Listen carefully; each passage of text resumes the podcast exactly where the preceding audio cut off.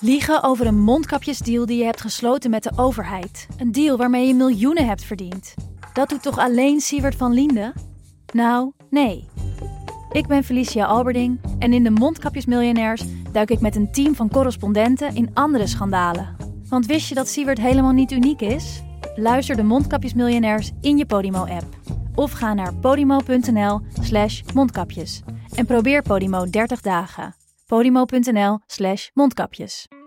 In de podcast Radio Romano met Noortje Veldhuizen Met Marcel van Roosmalen. En met Roelof de Vries.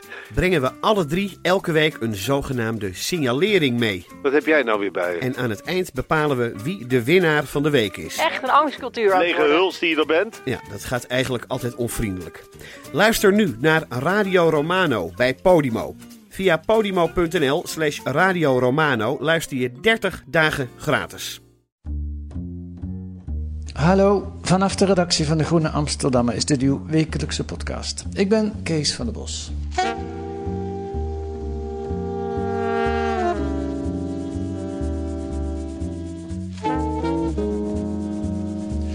Wie het hardst schreeuwt, wordt het eerst geprikt. Zo kun je de vaccinatiestrategie van Hugo de Jonge het beste samenvatten. Dat blijkt uit een onderzoek van Investico. Dat kunt u deze week lezen in De Groene. Hoe doe je zo'n onderzoek?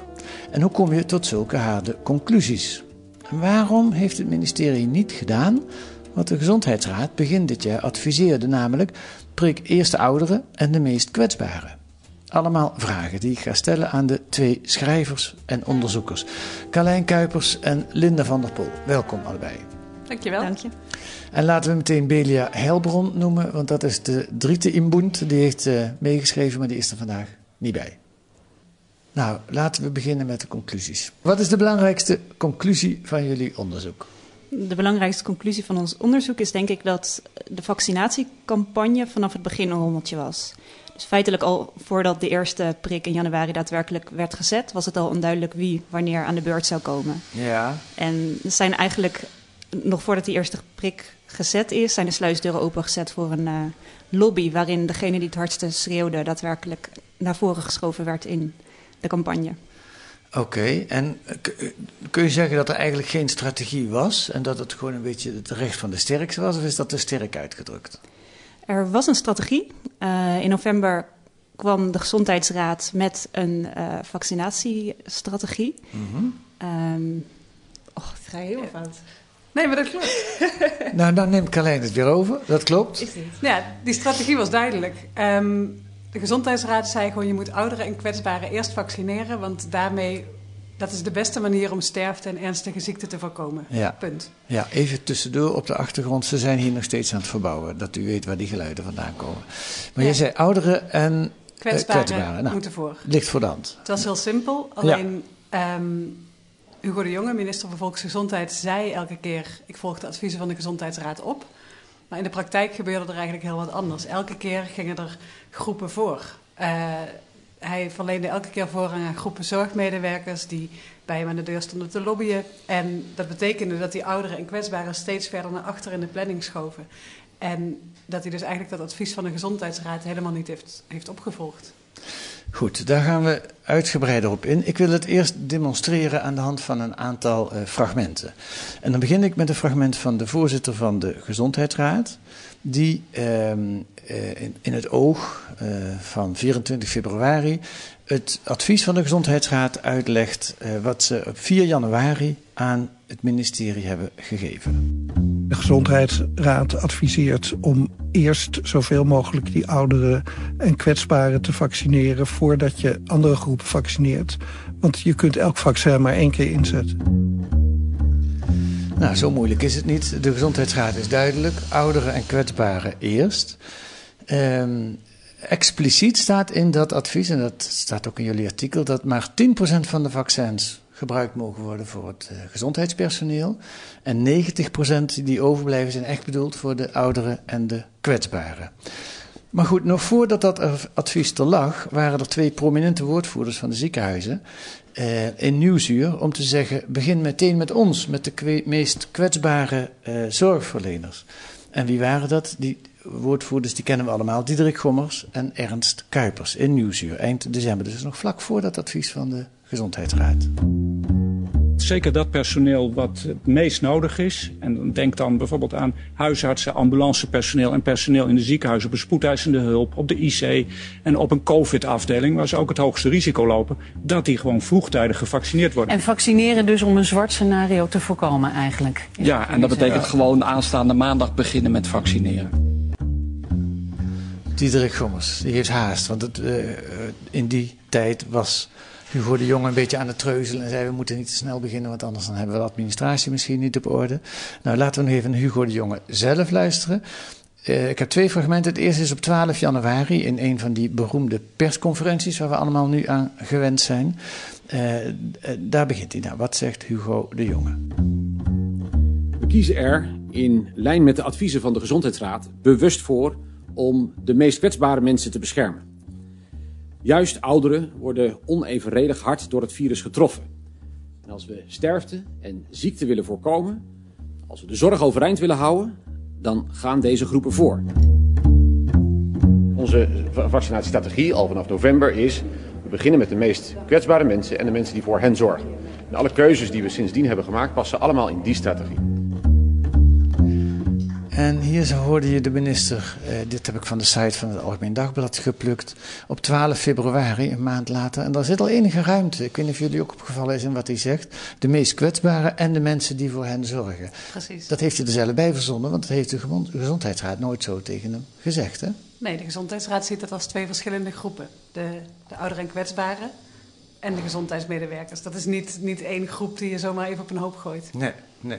En als ik nou goed begrijp uit jullie artikel, is het in die laatste week van december en de eerste week van januari, daar ligt het kruispunt of het sleutelmoment. Daar is het eigenlijk fout gegaan. Ja. We hebben inzage gekregen in notulen van uh, vaccinatieoverleggen. Dus tussen het ministerie van VWS, de GGD's, de verpleeghuizen, heel veel verschillende organisaties. En wat uit die notulen blijkt, is dat minister De Jonge half december al toezeggingen deed aan zorgpersoneel. Dus hij zei, uh, de eerste paar honderdduizend vaccinaties die gaan naar personeel in verpleeg- en thuiszorg en gehandicaptenzorg. Hm. Um, maar dat was op een moment dat er nog er lag een voorlopig advies van de Gezondheidsraad toen, waar de algemene uitgangspunten in stonden, maar er was nog geen definitief advies, want de vaccins waren er nog niet. Nee. Dus hij kon op dat moment die belofte helemaal niet doen. En toen de Gezondheidsraad een week later zei, ouderen en kwetsbaren moeten eerst, toen waren die toezeggingen al gedaan. Had hij meteen al een probleem eigenlijk? Precies, ja, ja, En toen kon hij het ook niet meer terugdraaien. Dat zei hij zelf. Hij zei, de afspraken zijn gemaakt, uh, dit kunnen we niet meer terugdraaien. Ja.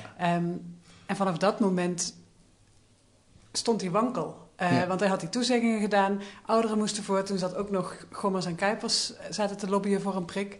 Um, dus vanaf dat moment werd het eigenlijk één groot lobbyspel. En is hij ook na dat moment nog steeds blijven afwijken van het advies. Want er zijn nieuwe groepen eh, zorgmedewerkers ook nog voorgekomen. En elke keer werden die ouderen en kwetsbaren naar achter geschoven. Ja, ja. En dat leidt tot uh, de situatie dat begin deze maand, mei dus, er een miljoen zorgverleners geprikt zijn, of in elk geval een uitnodiging hebben gekregen, terwijl anderhalf miljoen kwetsbaren, die eigenlijk in februari geprikt zouden worden, nog steeds zitten te wachten op hun prik. Ja. En dat is de kern van er is een, er is een schaarste aan vaccins. Dus niet iedereen kan tegelijk. En, nee. en als je de zorgverleners voorrang geeft, dan heeft dat consequenties. En dat is, nou ja, dat is wat Hugo de Jonge niet helemaal leek te begrijpen. ja, ja. En, en uh, dat leidt tot bizarre situaties. Uh, Linda, ik kijk naar jou. In jullie artikel zit bijvoorbeeld Esther Westmaas. Uh, ik weet niet, heb jij haar gesproken of heeft Carlijn haar gesproken? Ik heb haar gesproken. Nou, vertel, wat, wat trof je daar aan? Ja, Esther Westmaas heeft een bewegingsstoornis die ook haar hele um, ademhalingskanaal aantast. Um, haar artsen zeiden dat COVID voor haar heel gevaarlijk is, want ja. op dat moment ze heeft zwakke longen. Typisch zo iemand die, die extra kwetsbaar is. Ja, ja precies. Ja. Typisch iemand die eigenlijk gewoon in februari een prik had moeten krijgen. Ja. Um, dat gebeurde niet. Zij woont in een instelling waar ze 30 hulpverleners heeft die haar helpen met alles. Dus aankleden, douchen, eten, et cetera. Maar ze woont niet thuis, ze woont in een instelling? Nou, in een instelling, het is, het is eigenlijk... Um, um, zelfstandig wonen, maar dan wel met personeel op afroep. Oké. Ze heeft haar eigen appartement, maar ze kan altijd mensen oppiepen om haar, uh, om haar te helpen. Vervolgens heeft ze nog zes medewerkers voor, die haar helpen wanneer ze de deur uitgaat. Ja. Uh, zorgverleners op een zogenaamd uh, persoonsgebonden budget. Nou, die, die eerste dertig die werden al heel vroeg opgeroepen. Um, en vervolgens kreeg zij zelf zes uitnodigingen thuis die zij moest gaan uitdelen aan haar zorgverleners voor buiten de deur. Op het moment dat zij zelf nog helemaal geen uitnodiging voor vaccinatie had gehad en ook geen zicht had daarop. Nee, dat was in maart. Ja. Dat is natuurlijk heel wrang. Zij is eigenlijk, zij moet voorgaan en, en, dan krijgt ze zes uitnodigingen die ze moet uitdelen aan de mensen die voor haar zorgen. En zelf krijgt ze nog steeds niks. Nee, dat is heel gek. Ja. En, en, uiteindelijk, inmiddels is zij wel gevaccineerd. Hè? Ja, ze is uiteindelijk gevaccineerd, um, maar dat heeft ze zelf geregeld. Ze heeft er geen uitnodiging voor op de mat gekregen, maar ze hoorde via via dat het ene ziekenhuis mensen met haar aandoening wel vaccineerde en het andere niet. Dus zij is uiteindelijk is zij het hele land doorkruist om inderdaad uh, bij een ziekenhuis aan de andere kant van het land haar eigen vaccin te halen. Ze heeft vorige week zondag haar tweede prik gehad. Je zou kunnen zeggen dat ze zelf gelobbyd heeft. Ja. Om ja. het voor elkaar te krijgen. Uh, en nog maar een voorbeeld, want dat geeft wel aan waar we het over hebben. Dat het niet over cijfers gaat, maar wat, wat, wat, de, wat het betekent in levens van mensen. Ook uit jullie artikel, Nick Bootsman. Heb jij die ook gesproken? Nee, dat was Carlijn. Nou, dan gaan we naar Carlijn. Die heeft astma en een bindweefselziekte. Nou, vertel jij het maar, die is ook extra kwetsbaar. Ja, zeker. Hij heeft een uh, uh, aantasting aan zijn longen, waardoor hij, um, waardoor hij gewoon heel veel risico loopt uh, wanneer hij besmet zou raken. Hij is al een jaar in, in zelfisolatie om zichzelf te beschermen. Hij gaat alleen naar buiten als het vies weer is, omdat het dan rustig is op straat. Ja, je mag de microfoon iets naar je toeschuiven als je wil. Zo? Ja, ja. um, en bij hem zeiden de artsen ook: uh, jij moet echt met voorrang een prik krijgen, want je, je loopt echt een hoog risico. Hij had het probleem dat, dat hij een zeldzame aandoening heeft en dat hij. Uh, dat die aandoening niet op de lijst stond van mensen die voorrang kregen. En dat betekende dat hij dus echt maanden heeft moeten wachten op een prik. Uh, zijn huisarts vond dat hij echt een prik moest krijgen, maar die kon het niet voor hem regelen. Die huisarts belde naar de GGD, zij konden ook niks doen. Um, ja, en hij zat dus ondertussen in zelfisolatie maar te wachten. En wat interessant is aan zijn verhaal, is dat verschillende patiëntenorganisaties, zij zeggen eigenlijk, het, het, het kan nooit om alle aandoeningen precies te definiëren en dan precies van achter de tekentafel te zeggen van deze mensen wel en deze niet. Maar dat is wel geprobeerd door het ministerie. Nou, dat is geprobeerd. Ze hebben een lijst gemaakt van hoogrisico-aandoeningen en die werden dan vanaf maart gevaccineerd. Um, en dat was echt een lijst met deze aandoening wel, ja, gewoon een lijst van, van aandoeningen. Mm -hmm. um, maar daar, daarbuiten vallen dus mensen zoals Nick, die, uh, die een zeldzame aandoening hebben en daarom niet op de lijst komen. Um, en die patiëntenorganisaties die zeggen, geef de artsen nou een beetje ruimte om, om in dit soort gevallen een afweging te maken en te zeggen, deze persoon moet voor. Uh, hij staat wel niet op de lijst, maar hij valt gewoon in de hoogrisicogroep. Ja. En uit ons onderzoek blijkt dat artsen dat niet wilden. Zij wilden niet uh, ja, onderscheid maken tussen de een en de ander. Ja, dat las ik. Dat vond ik wel apart. Zowel de huisartsen als de, de specialisten hadden daar, zaten daar niet op te wachten. Op die verantwoordelijkheid lijkt het. Ja. Hè? Ja, ja, we spraken een specialist en die zei... Um, we willen niet boze patiënten bij ons hebben die zeggen deze wel en deze niet. Ja. En dat is op zich begrijpelijk, maar de consequentie is dat, dat, dat dus hele groepen echt ten onrechte hebben moeten wachten eigenlijk. Ja. Heeft Nick inmiddels een uh, prik gehad? Uh, ja. Even denken, hoe is het ook alweer gegaan? Hij heeft hem gisteren gehad. Hij heeft hem gisteren gehad, Ja. net. Ja, het, wow. het is Willy Nick, toch? Oh ja, ja klopt, klopt. Ja, hij moest dus gewoon wachten op de brieven die begin ja. deze maand zijn gestuurd. Ja. En uh, hij hield ook elke avond de, de, app van PostNL in de gaten. Daarin kan je zien welke post de volgende dag naar je toe komt. Dus elke dag om, om 12 uur s'nachts keek je in de app of de brief al onderweg was. Ja. En die kwam vorige week op de mat. Nick is een soort slachtoffer van de regeldrift, zou je kunnen zeggen. Ja. Dat, dat het van, vanuit het landelijk allemaal gespecificeerd moet worden. En dan vallen er wel eens wat mensen tussen de regels door. Ja, dat. En daardoor heeft het heel lang geduurd ook. Ja, ja. ja. En was Esther ook zo'n slachtoffer van de regeldrift? Of was het bij haar iets anders? Weet je dat, Linda? Haar aandoening was inderdaad ook heel erg zeldzaam. En dat heeft Ja. er waarschijnlijk voor gezorgd dat zij inderdaad ook... Uh, naar achter geschoven werd. Ja. Uiteindelijk is er iemand van de Limburgse GGD heeft dat allemaal aan de kant geschoven. En die heeft gezegd, ik, ik hou altijd maar prikken over. En die heeft gewoon de huisartsen gevraagd in zijn regio... maak een lijst met mensen die als ik prikken over heb kan toesturen. Ja, die heeft de bureaucratie opzij geschoven zou je kunnen zeggen. En dan wordt het weer gewoon een menselijk verhaal. Ja, dat is inderdaad waar. Um, daarbij moet je wel een ogenschouw nemen dat die spillage van de GGD's, dat gaat per regio om maximaal enkele tientallen. In Limburg ongeveer tien per dag. Um, die in Limburg inderdaad zijn ingezet voor de mensen die er het slechtste aan toe waren, die ze hard, hardst nodig hadden. Ja.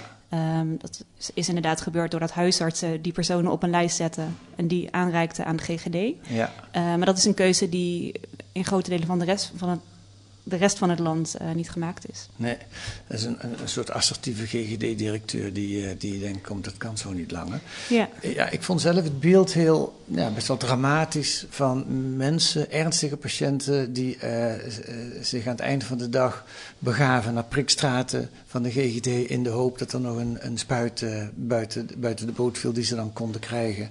Jeetje, dacht ik, is het zo slecht geregeld in Nederland dat, dat dit soort toestanden voorkomen? Ja, en wat er nog schrijnender is, is dat de GGD's eigenlijk van het ministerie die prikken überhaupt niet mochten geven. Ook niet aan die mensen die aan het eind van de dag inderdaad op straat stonden. Hm. Uh, die, die overige prikken die waren echt bedoeld voor het GGD-personeel zelf. Ja, ja, ja. Uh, nu vertelde ik deze dagen over, uh, met, met vrienden en bekenden, had ik het over dit artikel en wat ik jullie zou gaan vragen. En uh, ik kreeg veel reacties die ik zelf ook in eerste instantie had van, ja, uh, maar het is toch heel logisch dat zorgpersoneel eerst geprikt wordt, want die mensen zitten in de frontlinie, die vechten voor ons tegen die ziekte, die lopen ook het meeste gevaar. Dus ehm, het is toch helemaal niet zo onlogisch dat die voorrang hebben gekregen. Dat was iets waar we zelf ook wel even aan moesten wennen aan dat idee. Um, kijk, de basis is. De Gezondheidsraad heeft er maanden over nagedacht. Zij hebben gezegd: ouderen en kwetsbaren eerst. Uh, dat is het advies waarvan de minister zei: dat volgen we. En wat daarachter zit, is dat zij uh, zeggen: dat is de, de, beste manier om sterfte en ernstige ziekte te voorkomen. En dat is het doel van de vaccinatiecampagne. Ja. Um, en het. Kijk, zorgpersoneel zegt. Ze zeggen eigenlijk twee dingen. Ze zeggen: wij moeten een prik krijgen zodat we als een soort van beschermende ring ja. om de kwetsbaren heen zitten. Spreekt mij wel aan. Ja, maar dat is, dat is alleen nodig als je die kwetsbaren zelf niet kan vaccineren. Uh, dus in het begin werd er nog gedacht dat het vaccin misschien niet goed werkzaam zou zijn bij ouderen. En dan zou dat een, een goed argument zijn. Het was ook in het, in het hele begin leek het er nog op dat het moeilijk was om de vaccins in de verpleeghuizen te krijgen. Ja. Dus toen is er ook gezegd van dan gaan we het personeel doen. Ja. Maar voor de, de, de meeste groepen die konden gewoon zelf gevaccineerd worden. Dus daar was het niet nodig. Nee. En het andere argument is de overbelasting van de zorg. Uh, dus dat echt code zwart, dat zorgpersoneel zo erg zou uitvallen dat, het, dat de zorg echt zou vastlopen. Er was al een hoog ziekteverzuim. Ja. Ze hadden al heel hard moeten werken bij de eerste golf. Help die arme mensen met een prik. Precies. Um, maar het punt is eigenlijk, professionele zorgverleners kunnen zichzelf goed beschermen. Ze hebben, we hebben nu geen tekorten meer aan beschermende middelen en zo. Um, Het aantal besmettingen onder zorgpersoneel is ook niet hoger dan in de rest van de bevolking. En de Gezondheidsraad zegt eigenlijk van oké, okay, echt er kunnen uitzonderlijke situaties zijn dat de, dat de zorg op instorten staat, maar ook dan uh, mag je echt maximaal 10% van die vaccins aan, de, aan het zorgpersoneel geven. Ja. Maar je zou kunnen zeggen dat de Gezondheidsraad dus heeft gevochten tegen een beeld waar wij alle drie ook last van hebben. Dat je intuïtief zegt, ja natuurlijk, die zorgpersoneels, dat zijn de ridders die vooraan in de, in de strijd staan. Ja. Um, misschien hebben wij dat beeld wel, omdat ze zo'n goede lobby hebben. Dat er, dat er zo vaak voor hen gepleit is door de Diederik Gommersen en Ernst Kuipers van deze wereld. Nou, zeker. Wat, kijk, hun succes in de lobby is deels veroorzaakt door, doordat we allemaal dat beeld op het netvlies hebben van, van de zorg die overbelast is. En wat al die patiëntenorganisaties zeiden van onze achterban, die zit al een jaar in thuisquarantaine. Die, die hebben we niet gezien dat hele jaar. Nee. Dus die mensen die, die al een jaar thuis zitten, die hebben we niet op ons netvlies. Daar zien we niet wat het leed is wat daarachter zit. Dus ja, het is zeker zo dat, dat beeldvorming echt een hele grote rol heeft gespeeld. Ja. Kortom, de conclusie is in elk geval, er is niet gedaan wat de Gezondheidsraad in alle rust die erover nagedacht heeft, heeft geadviseerd. Er is meer in het maatschappelijke krachtenveld, zeg ik dan maar even, door de minister gereageerd op de ene lobby wat, de andere lobby wat. En uiteindelijk uh, is het aantal prikken wat terechtgekomen is bij de meest kwetsbaren daardoor op zijn minst honderdduizenden uh, prikken te laag en te laat. Ja. Ja. Goed. Dan over het onderzoek zelf. Uh, jullie hebben dat met z'n drieën gedaan. Uh, Belia moeten we ook nog een keer noemen. Uh, Linda, laat ik bij jou beginnen. Hoe, hoe, doe je, hoe, hoe kom je aan zo'n onderzoek? Hoe kom je aan het idee? Nou, het idee komt heel simpel van Xandra Schutte. De, hoofd, de, de, hoofdredacteur. de hoofdredacteur van de Groene Amsterdammer, ja, Investico. En dan met name Carlijn en Belia hebben eerder onderzoek gedaan naar uh, corona en hoe VWS daarmee omgaat. Ja, daar gaan we het straks ook nog even over hebben. Ja. Precies. Nou ja, feitelijk heeft Xandra ons gewoon de opdracht gegeven om onderzoek te doen naar de vaccinatiecampagne. Hoe kwam die tot stand? Zonder dat ze wist wat eruit zou komen, of had ze al van begin af aan het vermoeden dat het niet deugde? Nee, het was eigenlijk zo dat we afgelopen jaar best wel veel onderzoeken naar corona hebben gedaan. En begin dit jaar, of in de loop van dit jaar, viel het een beetje stil.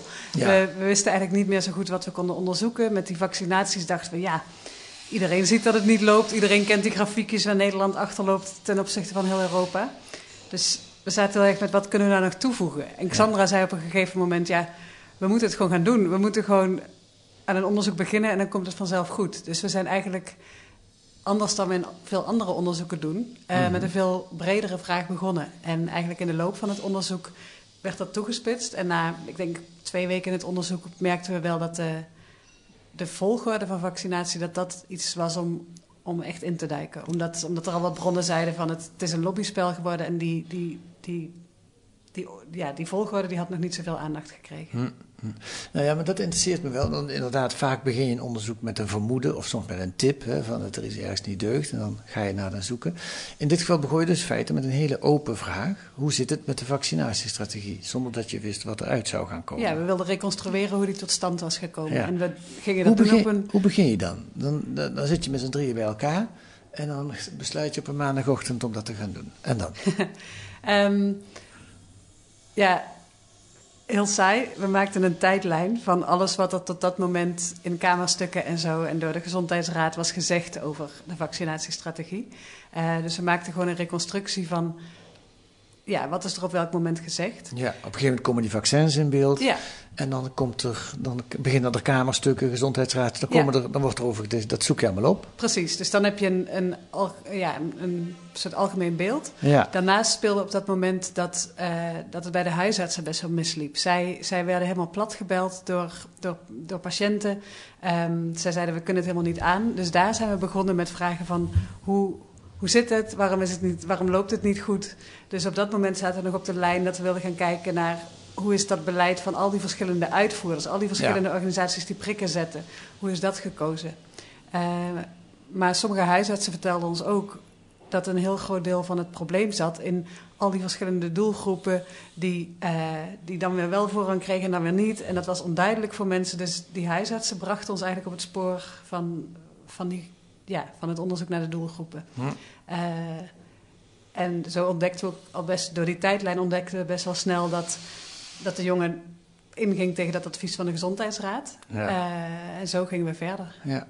Wat was een doorbraak? Wat is een moment, kun je dat nog herinneren? Dat heb je vaak in onderzoeken, dat je denkt... In het begin ben je nog aan het onderzoeken en op een gegeven moment denk je... Ja, we hebben wat. Dit gaat, dit gaat iets opleveren. Op een gegeven moment kreeg Carlijn notulen in handen.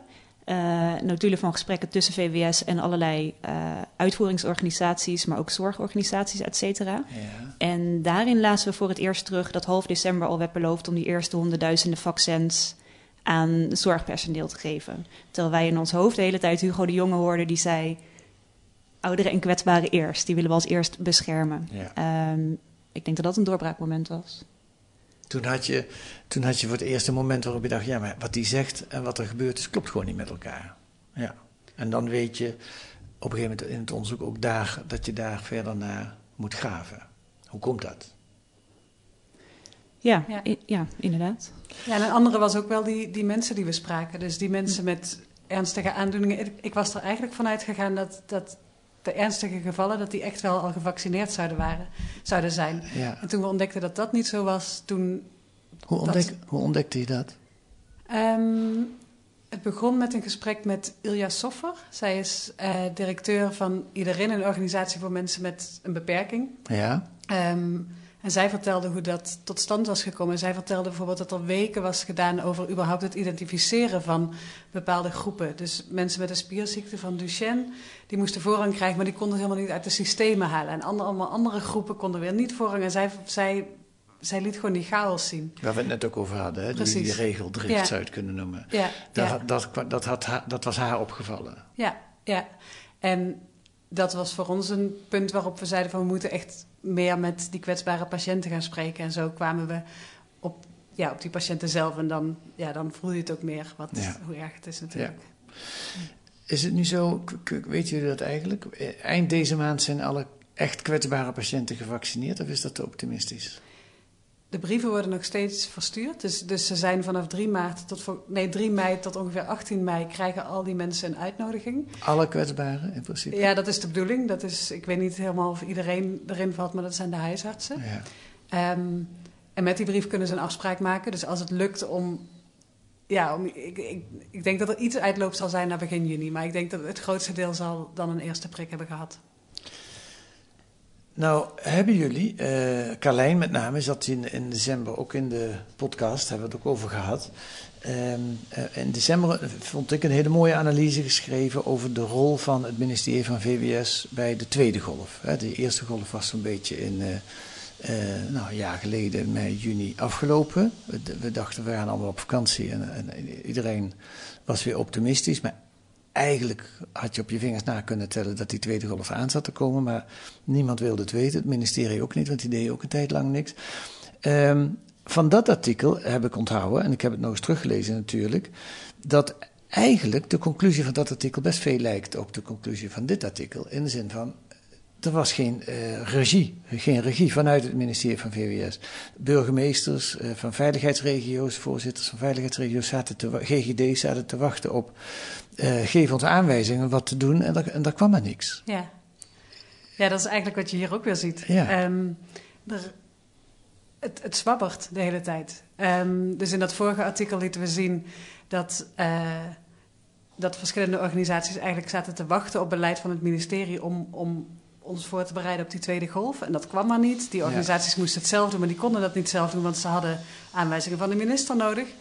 Um, er werd ook slecht voorbereid. We eindigden dat vorige artikel met het punt dat, dat er nog niks duidelijk was over de vaccinatiecampagne. Ja. Uh, dat artikel publiceerden we in december, dus rond de tijd waar dit artikel weer begint. Ja. Um, ja. Maar wat, wat is er aan de hand? Waarom?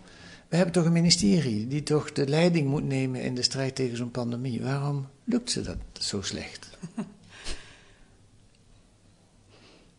um, ik denk dat er. Ja. Een moeilijke vraag. Ja, dat is een moeilijke vraag. Jullie hebben het feitelijk ook niet onderzocht. Hè? Jullie hebben onderzocht dat het ze slecht lukt, lukt. En dat toon je aan in, in twee artikelen nu al. Ja. Uh, daarmee heb je nog geen automatisch antwoord gegeven op de vraag waarom ze dat niet lukt. Nee. Maar ik stel hem toch, want jullie hebben met wel veel mensen gesproken in, in, de, in, de, uh, in de zorgsector. Ja. Uh, da, da, is daar een verklaring voor? Zijn mensen, komt het door de persoonlijkheid van Hugo de Jonge, die, die graag dingen belooft die nog niet waargemaakt kunnen worden? Of zit er iets structurelers achter? Heb je een vermoeden? Ik snap dat nou, je. Wat je in allebei de onderzoeken ziet, is dat Hugo de Jonge van alles belooft en eigenlijk heel vaak die beloftes niet waar kan maken. Dus dat is iets wat, je, wat sowieso in elk onderzoek weer naar voren komt. Het is de vraag waarom hij dat doet. Is, misschien is hij een optimist, misschien hoopt hij ook door beloftes dingen in beweging te krijgen. Al werkt dat bij vaccinaties natuurlijk niet, want je kan niet dingen dubbel beloven. Ja. Als, je dingen, als je een organisatie op stoom wil krijgen, dan kan je dat misschien doen, maar met die vaccinaties niet. Nee. Uh, dus daar is het ja, misschien toch echt te veel optimisme. Maar wat we ook van heel veel mensen horen, is dat um, het ministerie best wel ver afstaat van het hele zorgveld. Uh, dus er zijn best wel veel groepen die eigenlijk nauwelijks aan tafel zitten bij het ministerie, die slecht gehoord worden. Dus het, het ministerie heeft nauwe contacten met de ziekenhuizen, iets minder nauwe contacten met thuiszorg en, en, en dat soort organisaties. En al helemaal weinig contacten met, met de patiëntenorganisaties. En dat zie je eigenlijk ook weer terug in dit verhaal. Dat de, de, de groepen met goed contact, die krijgen een prik. Ja. En de groepen die, die niet aan tafel zitten, dus ook de ouderen, de oudere bonden, ja, die, die hebben één keer in de week een bijpraatsessie met het ministerie. Maar dat is niet echt een lobbybijeenkomst. Nee. Ehm, dus ja, daar, daar gaat het scheef lopen. En, en ja. Ik, ik, ik haal een citaat uit jullie eerste artikel in december. Want daarin citeren jullie de minister zelf, wat hij in de NRC een keer heeft gezegd in november in een interview. Hugo de Jonge, als je nu één les moet leren, dan is het dat ons stelsel niet opgewassen is tegen een pandemie van deze omvang. Het ontbreekt op alle fronten aan de mogelijkheid om centrale regie te voeren. En dat betekent dat we de hele crisis hebben geïmproviseerd. Dit is een moment van grote eerlijkheid van de minister, denk ik. Ja, maar hij schuift het hier ook wel heel erg af. Want hij heeft wettelijk wel, wel degelijk. Uh, hij kan echt wel meer aansturen dan hij doet. Ja, ja. Uh, dat heeft hij alleen niet gedaan. Dit lijkt me een mooie vraag voor een evaluatie van uh, de coronacrisis als het allemaal voorbij is. Om te kijken naar de, stu de sturende rol of het ontbreken van die sturende rol van het ministerie van Volksgezondheid. Ja, en dit argument gaat trouwens ook helemaal niet op bij vaccinaties. Want als er iets is waar de minister wel iets over te zeggen heeft, dan is het de vraag wie daarvoor gaat en wie niet. Dus uh, Aha, ja. hier kon hij sturen wat hij wilde. Alleen heeft hij eh, zwabberend gestuurd. Ja. ja, dus ook toen hij het kon, deed hij het nog niet. Ja. Carlijn Kuipers, uh, Linda van der Pol, dankjewel voor dit gesprek. En Belia Heilbron voor dit artikel.